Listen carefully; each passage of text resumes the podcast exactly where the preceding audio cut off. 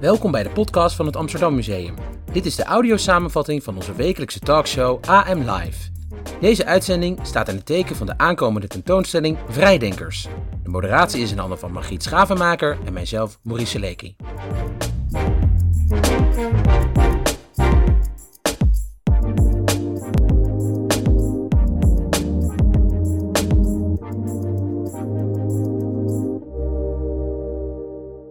Welkom bij deze speciale aflevering in het teken van Vrijdenkers van Spinoza tot nu. Deze nieuwe tentoonstelling opent in september in samenwerking met het Humanistisch Verbond en zal gaan over de geschiedenis van vrijdenken in Amsterdam en Nederland. In dit programma behandelen we het fenomeen vrijdenken in verhouding tot verschillende vormen van humanisme. Marieke van den Doel geeft ons een introductie tot het eco-humanisme en daar praten we met Henri Krop en Harpo het Hart over verder. En met Siska Dresselhuis en Omi Pieter praten we over feminisme en activisme. Laten we beginnen. Nou, uh, Margriet, uh, we gaan best wel wat uh, in zo, dus dat, dat belooft wat. Ehm, maar misschien toch even goed om te beginnen even bij het begin. En jij bent natuurlijk filosoof en je hebt ook een humanistische opvoeding gehad. Kun je vertellen hoe die jou heeft gevormd?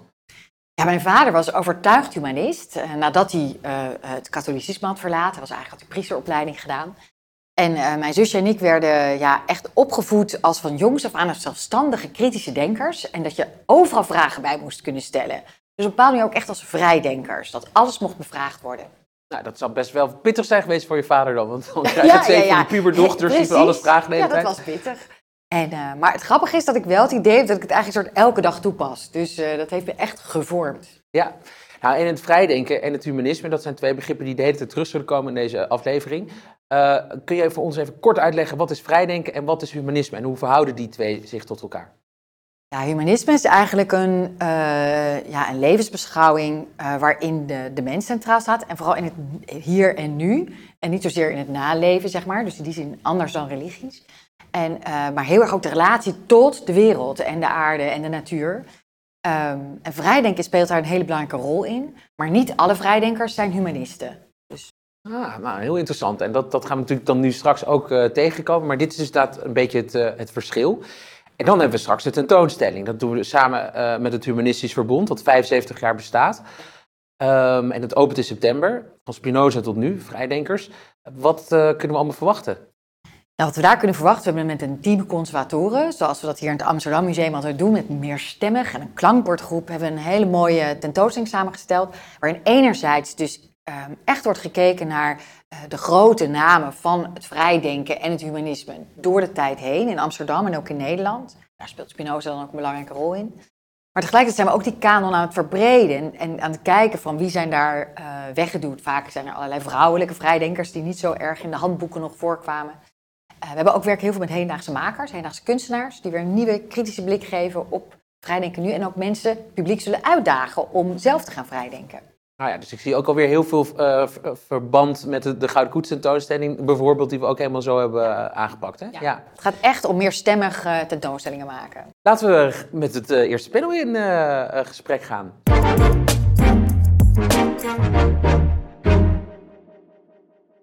Een belangrijke nieuwe stroming, zou je kunnen zeggen, in het hedendaagse humanisme is het eco-humanisme. Uh, we gaan erover praten met Henry Krop, uh, hoogleraar Spinoza, hoogleraar aan de Erasmus Universiteit, en uh, Harpo Hart, curator en ook directeur van de ambassade van de Noordzee. Maar voordat we gaan kijken, gaan we eerst een heel kort filmpje bekijken van Marieke van den Doel. Het is een van de curatoren die de Vrijdenkers tentoonstelling in het Amsterdam Museum aan het voorbereiden is, waarin zij uitlegt wat volgens haar ecohumanisme is. Ja, we staan hier op een hele bijzondere plek. Uh, we staan bij Artis. Artis uh, heette vroeger Natura Artis Magistra, of heet steeds Natura Artis Magistra. Dat betekent de natuur is de leermeesteres van de kunsten. Dat je eigenlijk de natuur heel goed moet bestuderen en dan word je eigenlijk een goede kunstenaar. En je ziet hier een, een 17e eeuw schilderij, een Nederlands schilderij.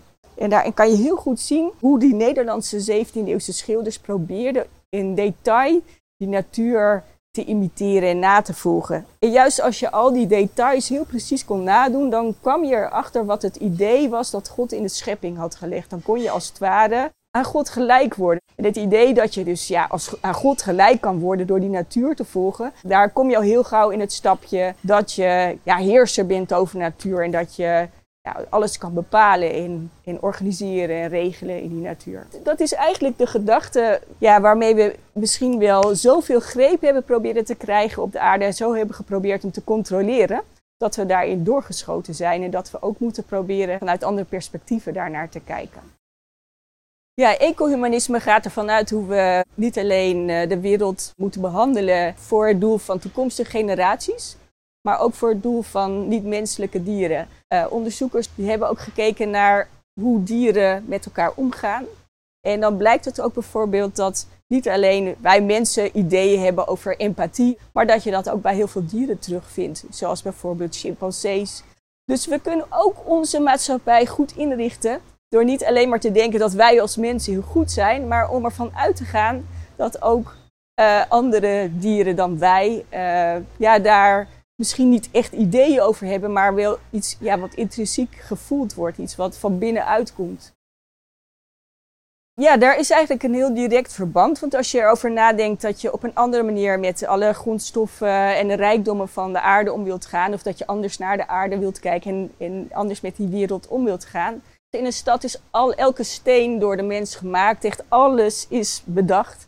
Ook als je naar het Nederlandse landschap kijkt. En dat geldt ergens ook natuurlijk ook gewoon voor een dierentuin. Hè. Dat is natuurlijk uh, niet heel veel natuur. Maar toch is het een plek waar je de natuur op zou kunnen zoeken. En waar je je relatie met de natuur verder zou kunnen onderzoeken. Ik denk dat het vooral heel belangrijk is om je mindset te veranderen. En om te kijken of je kunt proberen daarmee invloed uit te oefenen op besluitvorming.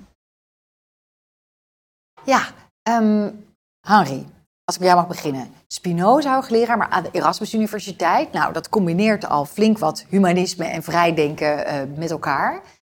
Um, als jij dan kijkt naar zo'n introductie op ecohumanisme, hoe verhoudt dat zich tot, tot inderdaad Spinoza bijvoorbeeld? Hè? Die relatie tussen mens en natuur. Kun je daar iets meer over vertellen? Uh, voor Spinoza is die relatie heel eenduidig. De mens is een onderdeel van de natuur en gehoorzaamt aan dezelfde wetten als de rest van de natuur. We hoorden even dit filmpje al, het belang van emoties.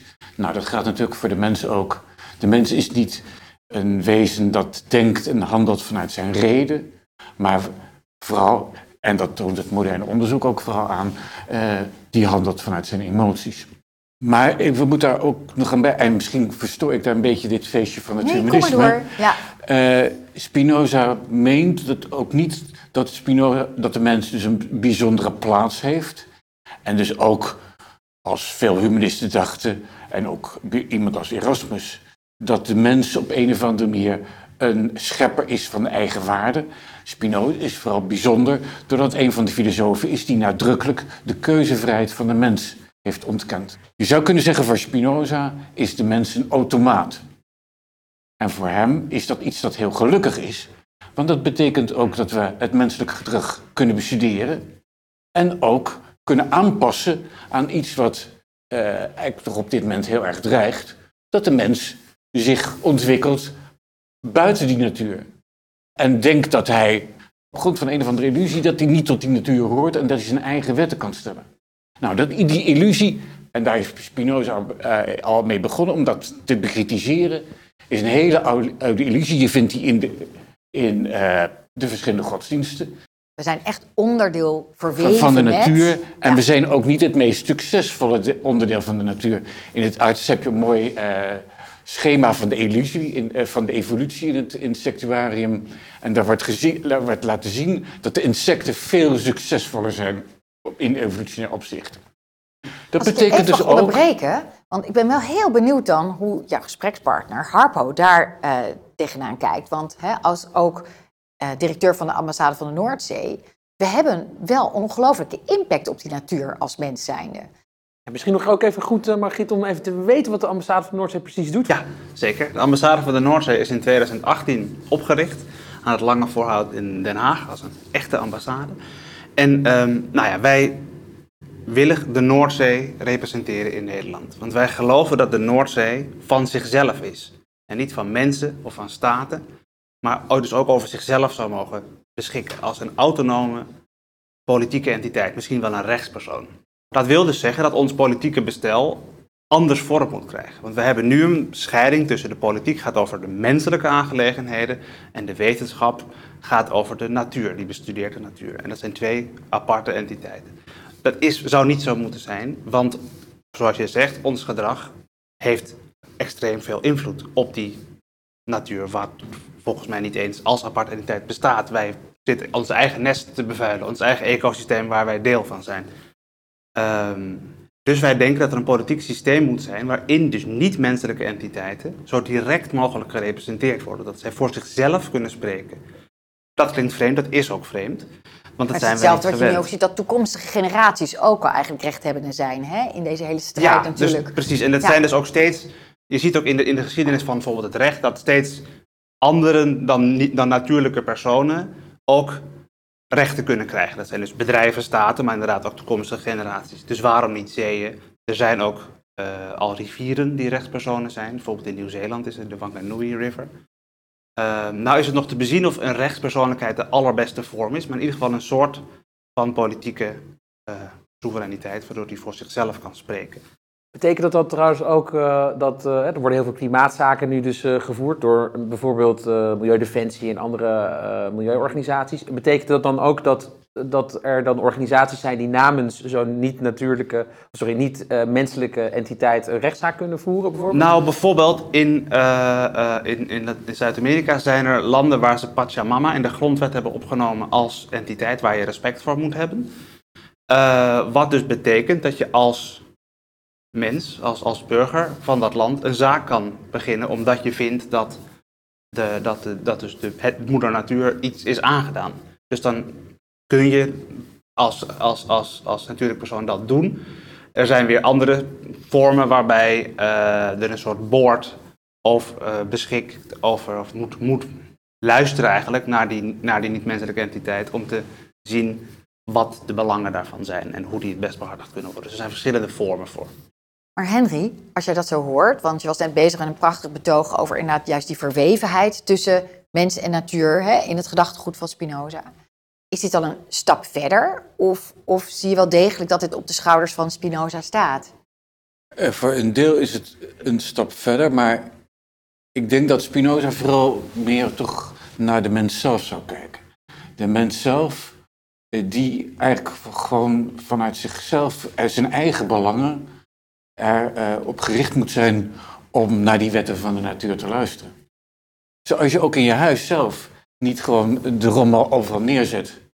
Zoals wij vroeger op een studentenhuis deden. Want je krijgt uiteindelijk de rekening gepresenteerd. Krijgen we ook van de natuur die een overweldigende macht eh, vertegenwoordigt voor Spinoza. Je kan de, de natuur en de natuurwetten niet ongestraft overtreden.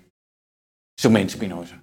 Omdat ja, wij zijn eindige wezens en als we het over natuur hebben, dan zien we dat die natuur in een enorm proces van verandering eh, betrokken is. Elk moment is de natuur weer anders. Het is niet iets dat we in een reservaat kunnen ops- opsluiten met een hekje erop van dit is de natuur, hier betreedt u de natuur. Maar de natuur is alles en omvat dus ook, wij zijn ook stukjes natuur. Misschien is het wel even een goed moment om even nog naar een, een audiofragment te luisteren. Want vanaf vrijdag aanstaande is er ook een, een nieuwe Spinoza-route door de stad heen hier.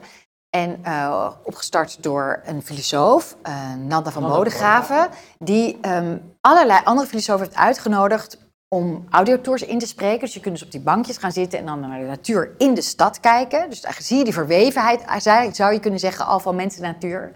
Misschien goed om een heel klein stukje eventjes te beluisteren. En dit wordt ingesproken door Robert Dijkgraaf, geloof ik, hè? Ja, Ja. We weten beter dan ooit waar we ons bevinden in het heelal. Dankzij de spectaculaire ontwikkelingen van onze technologie is onze blik op de hemel enorm verruimd. We kijken naar de sterren met nieuwe, kunstmatige ogen, telescopen en satellieten, gevoelig voor andere vormen van licht, zoals infrarood of radiogolven of röntgenstraling. Met behulp van zwaartekrachtsgolven kunnen we zelfs luisteren naar de trillingen van de ruimte zelf. Samen met de denkkracht van onze geleerden, Albert Einstein voorop, is binnen een eeuw de volledige geschiedenis van de kosmos in kaart gebracht. Alle 14 miljard jaar, helemaal terug Ja, naar de ik ben oerknal. benieuwd. Eh, maar ook Harpo, kijk jou even aan. wat, wat jij doet, wat jullie doen als ambassade van Noordzee, is toch, gaat veel meer richting een soort activisme. Terwijl wat we hier horen is veel beschouwelijker en veel meer richting inderdaad een soort eigen vrijdenken waarin je bijna loskomt van subjectiviteit, zeg maar. En, eh, en dan die eenheid met die natuur veel meer ervaart om naar ja, iets moois, eigenlijk op een nieuwe manier naar die wereld te kijken. Minder gefocust op je eigen ik, zou je kunnen zeggen. Terwijl volgens mij wat jullie willen is veel meer, we willen jullie echt iets veranderen. We willen zeker iets veranderen. Nou ja, wat het verschil misschien is, wij komen eigenlijk niet vanuit een humanistische hoek. Ehm, je zou het misschien posthumanisme kunnen noemen.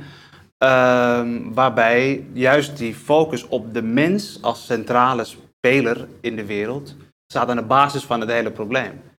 Ehm, we, of de gedachte dat de mens de wereld zou kunnen kennen in, in zijn volledigheid, is een, ook denk ik een, een, is een illusie.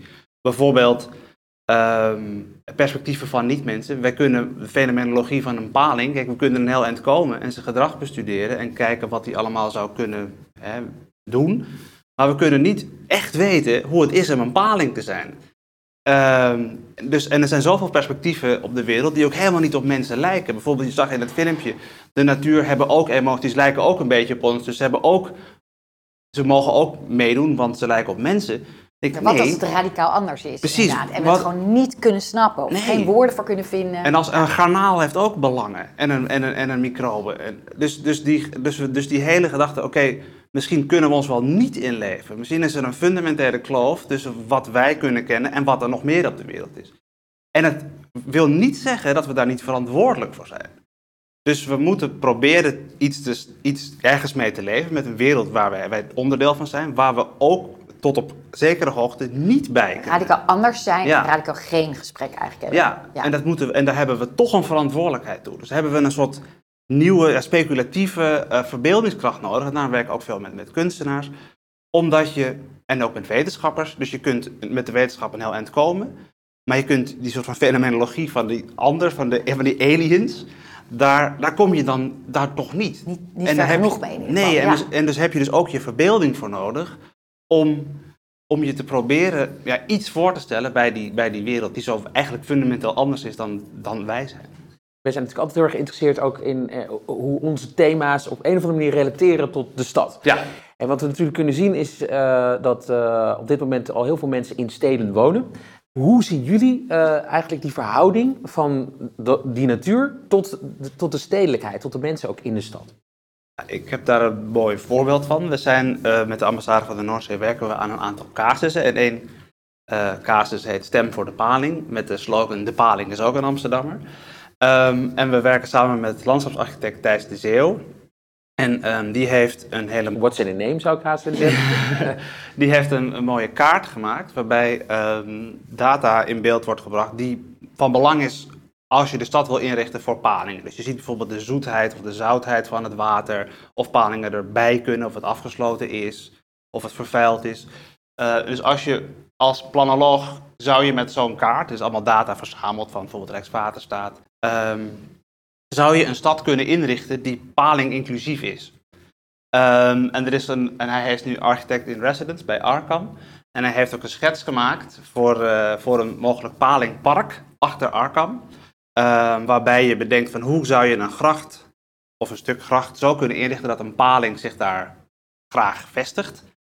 Ehm, en je ziet ook bijvoorbeeld dat daar allemaal eh, eh, structuren onder water zijn waar een paling in kan of in kan nestelen. Maar ook ehm, dat we als mensen eh, die paling ook kunnen tegenkomen in de stad. Zodat wij ook zien van, ah ja, de, de paling is ook in Amsterdam. Maar wij gaan naar het park, net als die paling naar het park gaat. Dan kunnen we samen ja, elkaar ontmoeten en elkaar als Amsterdammers misschien wel in de ogen kijkt.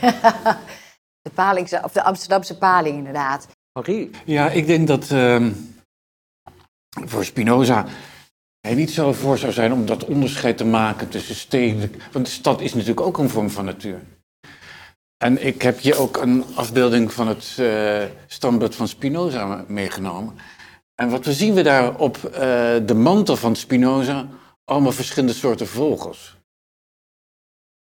En dan zien ze ook dat eh, ja, wat in de stad gebeurt, gebeurt in de hele natuur. Mensen maken op een bepaalde manier een plaats waar ze kunnen wonen. Maken van de bepaalde plaats een bepaald huis in samenwerking met anderen. En, ik die denk ander ook- kan ook de natuur zijn, zeg ja, maar. en de, dus dan maken ze op grond van die natuurkrachten, maken zij een plaats, een, een plek tot een huis. En dat kunnen ze op een goede manier doen, een manier die bestendig is. Of ze kunnen het doen dat het, dat dat een rommeltje wordt en dat het binnenkort in elkaar valt. Maar Hanke, ik, ik, ik, ik mis wel soms een beetje dan, de, de aansluiting met toch het urgente betoog van Harpo. Hè? En dat die stad natuurlijk een, eh, hele fijne plek is, een hele fijne stad, maar ook echt, eh, nou zoals de hele wereld dus, wel naar een klimaatpandemie eh, toe aan het bewegen is. Vanuit jouw betoog hoor ik toch van ja, die balans, dat, dat, dat, is, dat is iets wat, wat we gewoon kunnen vinden. Of lees Ja, ik het de natuur verkeerd? het zelf wel. Dat, dat, dat gevoel Ja. krijg ik een beetje van. Dat er uiteindelijk dat de mens tegen een grens aanloopt. De natuur zal eh, zijn. eh, Die slaat terug. die, slaat terug, ja. Ik bedoel, als wij er gewoon een rommeltje van maken, nou, zoals ik net zei, dan eh, is het binnenkort afgelopen. Dus die urgentie, denk ik ook, is heel sterk. Nog even misschien een, een korte slotvraag aan jullie alle twee. Ook om voor de, voor de kijkers thuis een soort bruggetje te maken naar onze tentoonstelling Vrijdenkers. Waar ambassade van Noordzee een bijdrage in eh, eh, speelt. Maar ook Spinoza natuurlijk nadrukkelijk in naar voren komt. Wat hopen jullie dat, eh, dat de bezoekers van de Vrijdenkers tentoonstelling straks mee gaan nemen? Heel duidelijk dat voor mij zouden wat ze mee moeten nemen, inderdaad, dat het 12 uur is, dat ze er verstandig aan doen om de dag erop in actie te komen. Maar ik denk ook wel dat eh, het ook belangrijk is om te zien dat mensen dus ook het gevoel krijgen dat ze iets kunnen doen. Nou, wat belangrijk is, is dat ideeën en verhalen doen ertoe. Dus wat we onszelf aan elkaar vertellen is belangrijk. Dus bijvoorbeeld zo'n verhaal over is natuur iets out there en zijn wij, eh, een eigen, hebben wij een eigen wereld waar we niet met die natuur te maken hebben? Nee, dat is, wij zijn on, radicaal onderdeel van die natuur. Dat is een verhaal, dat is een idee wat we onszelf kunnen vertellen, waar we aan moeten wennen, wat raar is, onwennig. Maar dat kan wel helpen om een relatie met de wereld aan te gaan die wel, nou ja, symbiotischer is. Dus dat verhaal wordt in ieder geval in de tentoonstelling verteld. Die vanaf 6 september open gaat. En eh, voor die tijd in ieder geval ongelooflijk bedankt dat jullie hier aanwezig waren. Dankjewel.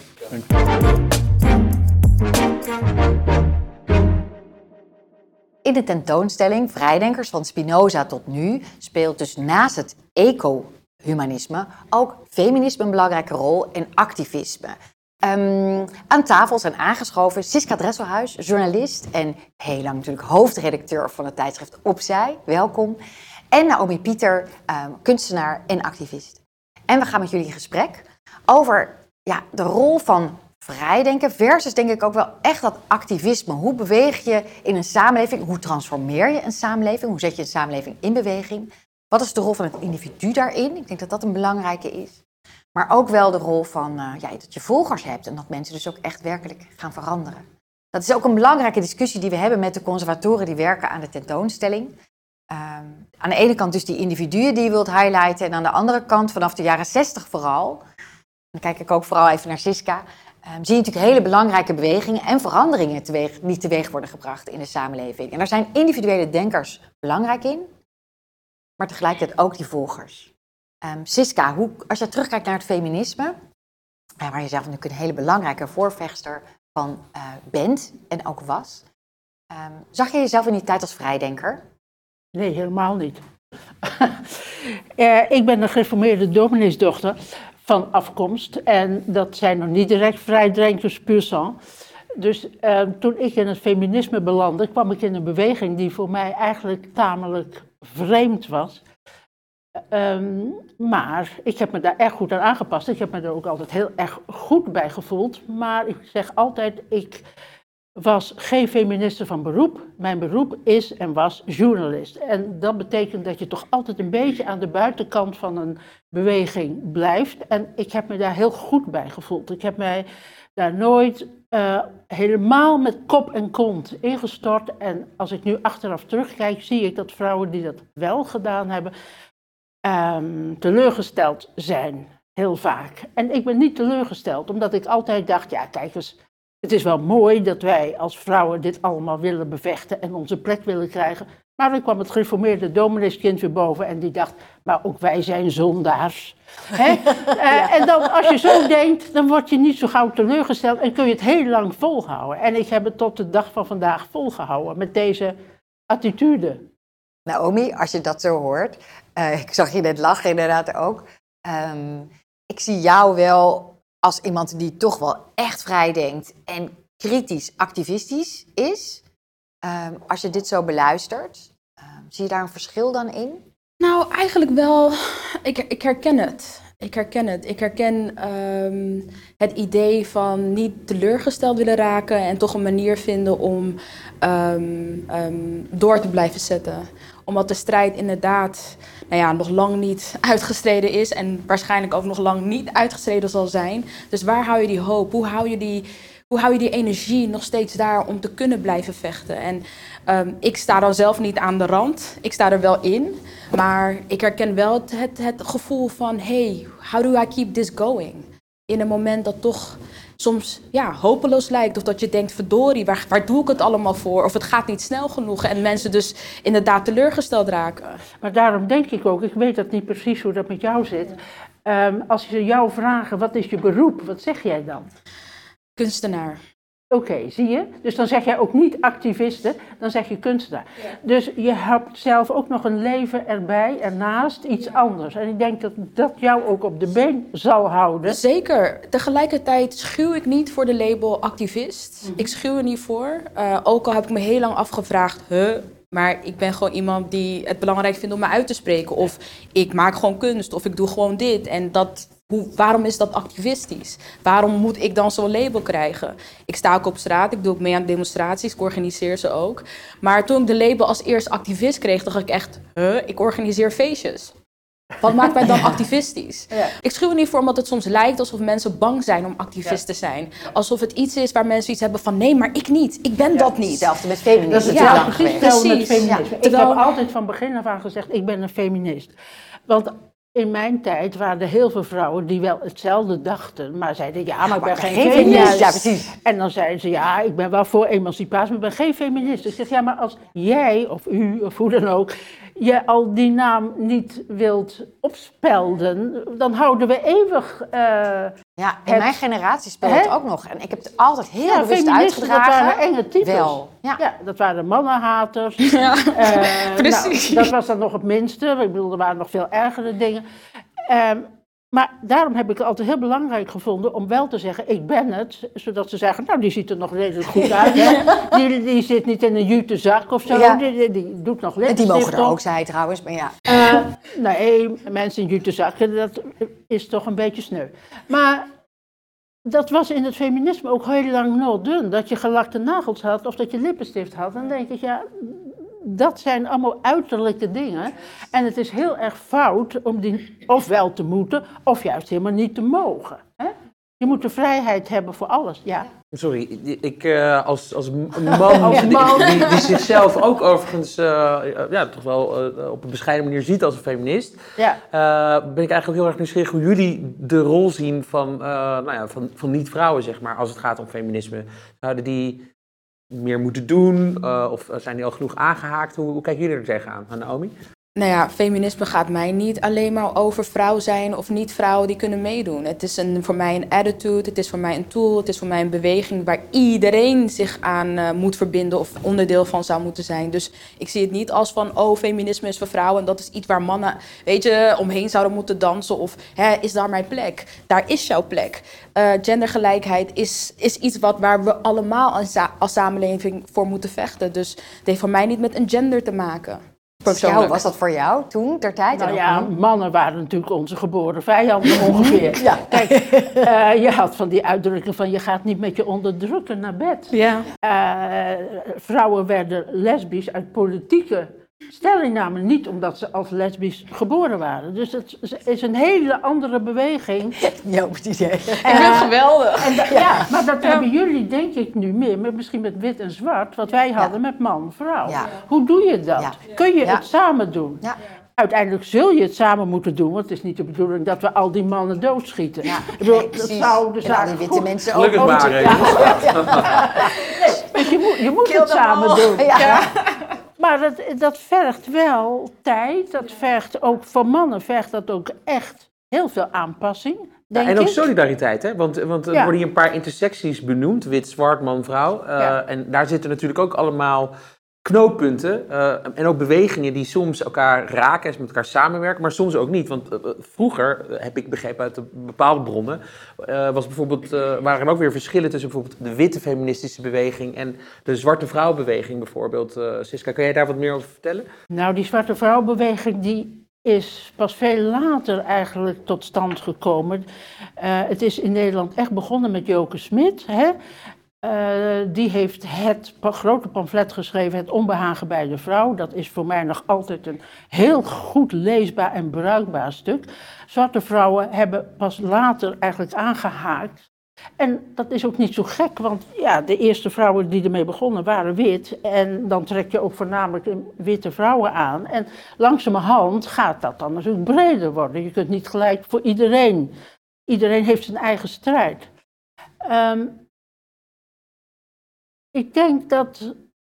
Kijk, ik heb bij Opzij heb ik ehm, 27 jaar gewerkt en van het begin af aan was ons uitgangspunt, wij willen een paraplu zijn voor de hele vrouwenbeweging. Dus je had, nou, je kunt niet voorstellen hoeveel clubjes je hadden, van heel radicaal naar gewoontjes, naar heel voorzichtig. En wij zeiden bij Opzij, we willen eigenlijk allemaal dat ze bij Opzij wel terecht kunnen. Dat heeft ons natuurlijk eh, geen windeieren gelegd aan de ene kant. Aan de andere kant waren de radicale feministes, vonden ons natuurlijk een beetje slappe hap. Uh, ja, zo is het. Uh, we hebben het lang uitgehouden, opzij bestaat nog altijd. Uh, die hele radicale kleine vrouwenblaadjes, die zijn er al lang niet meer.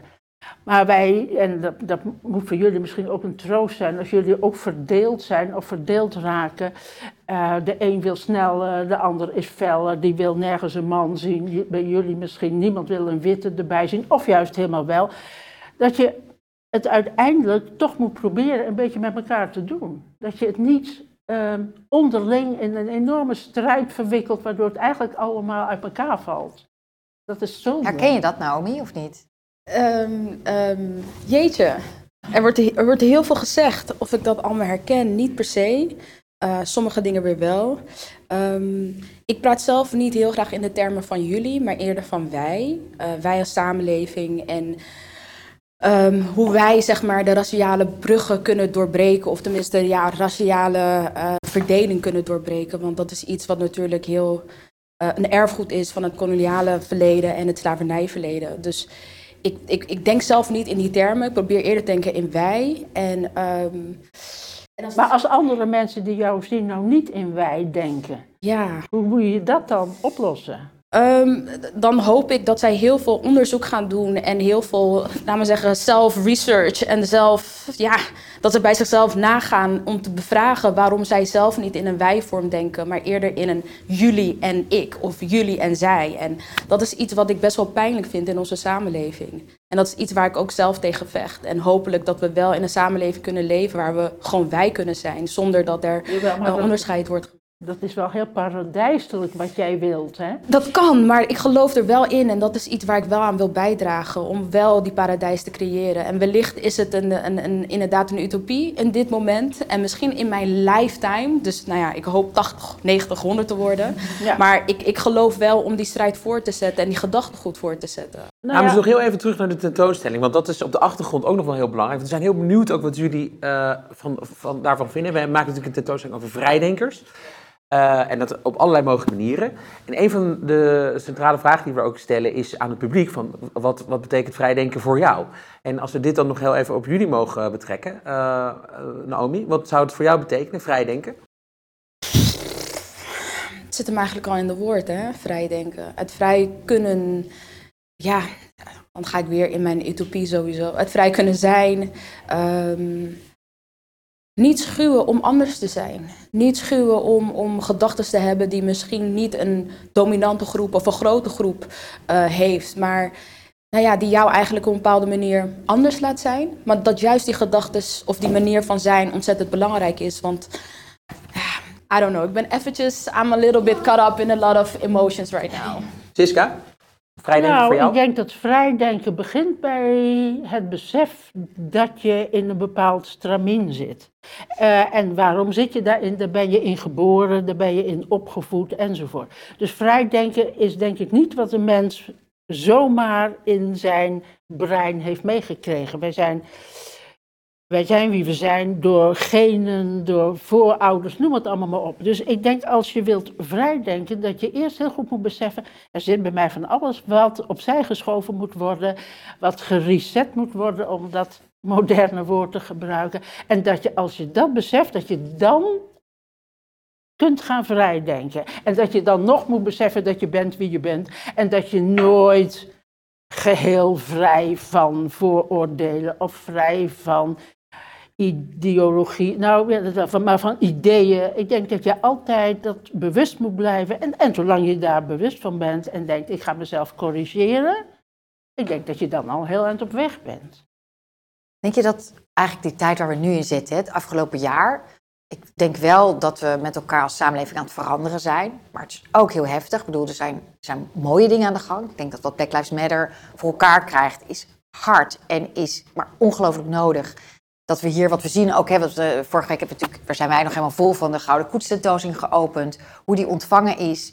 Ehm, dat we daar echt een slag hebben gemaakt met een soort verbinding maken eh, echt om een meer stemmige tentoonstelling te maken voor verschillende publieken die verschillende emoties hebben bij, maar ook denk ik zichzelf gaan bevragen als ze die tentoonstelling uitkomen.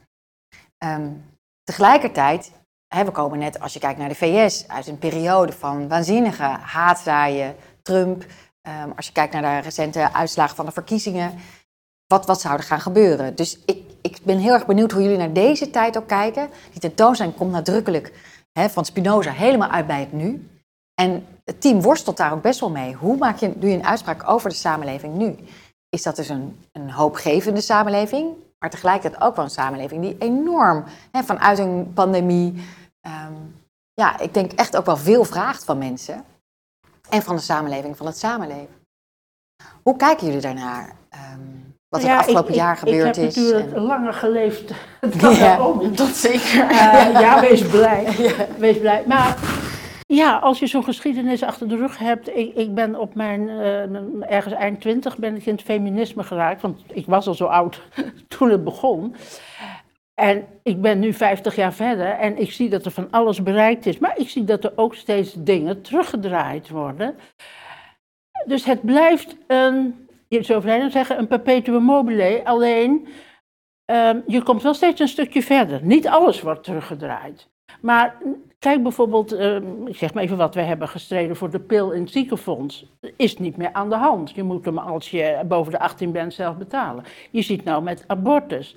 Vrije abortus, vijf dagen bedenktijd. Mensen, dat vonden wij al helemaal niks. Nu gaan ze weer over, moet het niet langer bedenktijd? Moet ook eh, de abortus niet worden teruggedraaid in tijd waarin het nog mag. Dus je moet altijd blij zijn met de dingen die je bereikt en heel op je hoede zijn. Dan worden weer ze ons niet weer worden of- afgepakt. ja. Maar was het niet de processie van Echternacht? Drie naar voren, twee terug. Dus die ene stap erbij blijft eigenlijk altijd wel over. En ja, ik hoop dat dat met jullie... Ja, ik mag niet jullie zeggen. Maar ik doe het wel even, want jij Wij zit tegenover mij. Eh, ik, ik hoop dat het in jullie strijd niet de processie van Echternacht is met drie naar voren, twee naar achteren. Maar dat het is drie naar voren, een halve naar achteren. Maar dat je altijd weer een terugslag zult krijgen, daar denk ik, daar moet je op rekenen.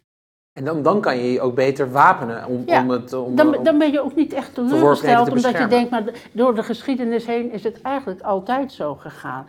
Je maakt even een enorme spurt. En er zijn natuurlijk altijd achterblijvers. En die achterblijvers hebben een tijd lang hun mond gehouden. Maar die komen ook weer een keer aan bod. En daarom gaat het dan weer wat terug. Maar het gaat. Ik ben geen voorspeller, maar het gaat nooit helemaal terug. Dus ik denk, daar moet je nooit bang voor Nou, zijn. dat klinkt toch hoopgevend? Ja, Ja. Naomi, heb jij ook hoop voor de, voor de toekomst? Ik heb ontzettend veel hoop. Ik, eh, Ehm, dat zeg ik ook regelmatig, dat ik op de Dam, toen we de eerste demonstratie organiseerden op 1 juni, dat ik daar een nieuw Nederland zag staan waar ik heel graag in wilde wonen. Een, een, een land waarin inderdaad uh, kleur niet meer uitmaakt, dat gender niet uitmaakt, dat we allemaal gewoon gelijk zijn. Maar goed, daar zijn we nog niet, daar moeten we nog een hele hoop voor doen. Maar ik, ik, ik ben wel hoopvol Siska, misschien ook uh, ja, vanuit, uh, vanuit jou toch als, als, als ja, mevrouw opzij nog even een stichtelijk woord richting onze kijkers. als er nu feministen in de dop thuis aan het kijken zijn, waar, waar begin je en wat, is, wat zou jouw oproep zijn?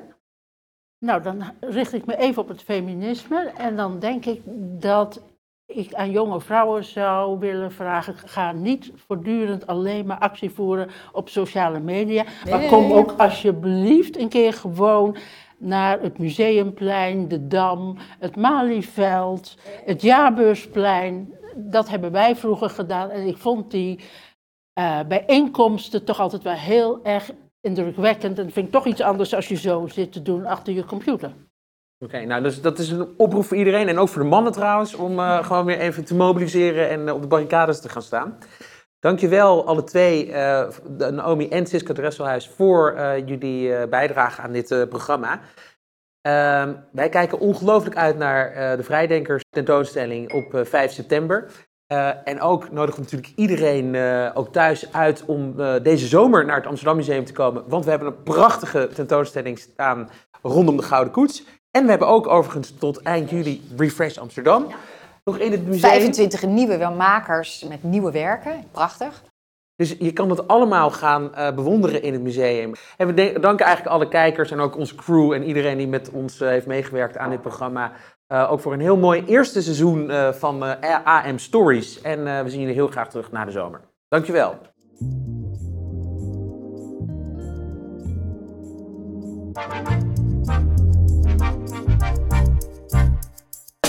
Dit was de speciale Vrijdenker Special. Volgende week zijn we er niet, maar de week daarna publiceren we het laatste deel van het Refresh Symposium, dat plaatsvond in februari 2021. Wil je de hele uitzending terugkijken? Dan kan dat op onze website www.amsterdammuseum.nl. Als je wilt reageren op deze uitzending, dan kan dat door te mailen naar podcastapenstaartje Dank aan alle gasten en aan u voor het luisteren. Tot over twee weken.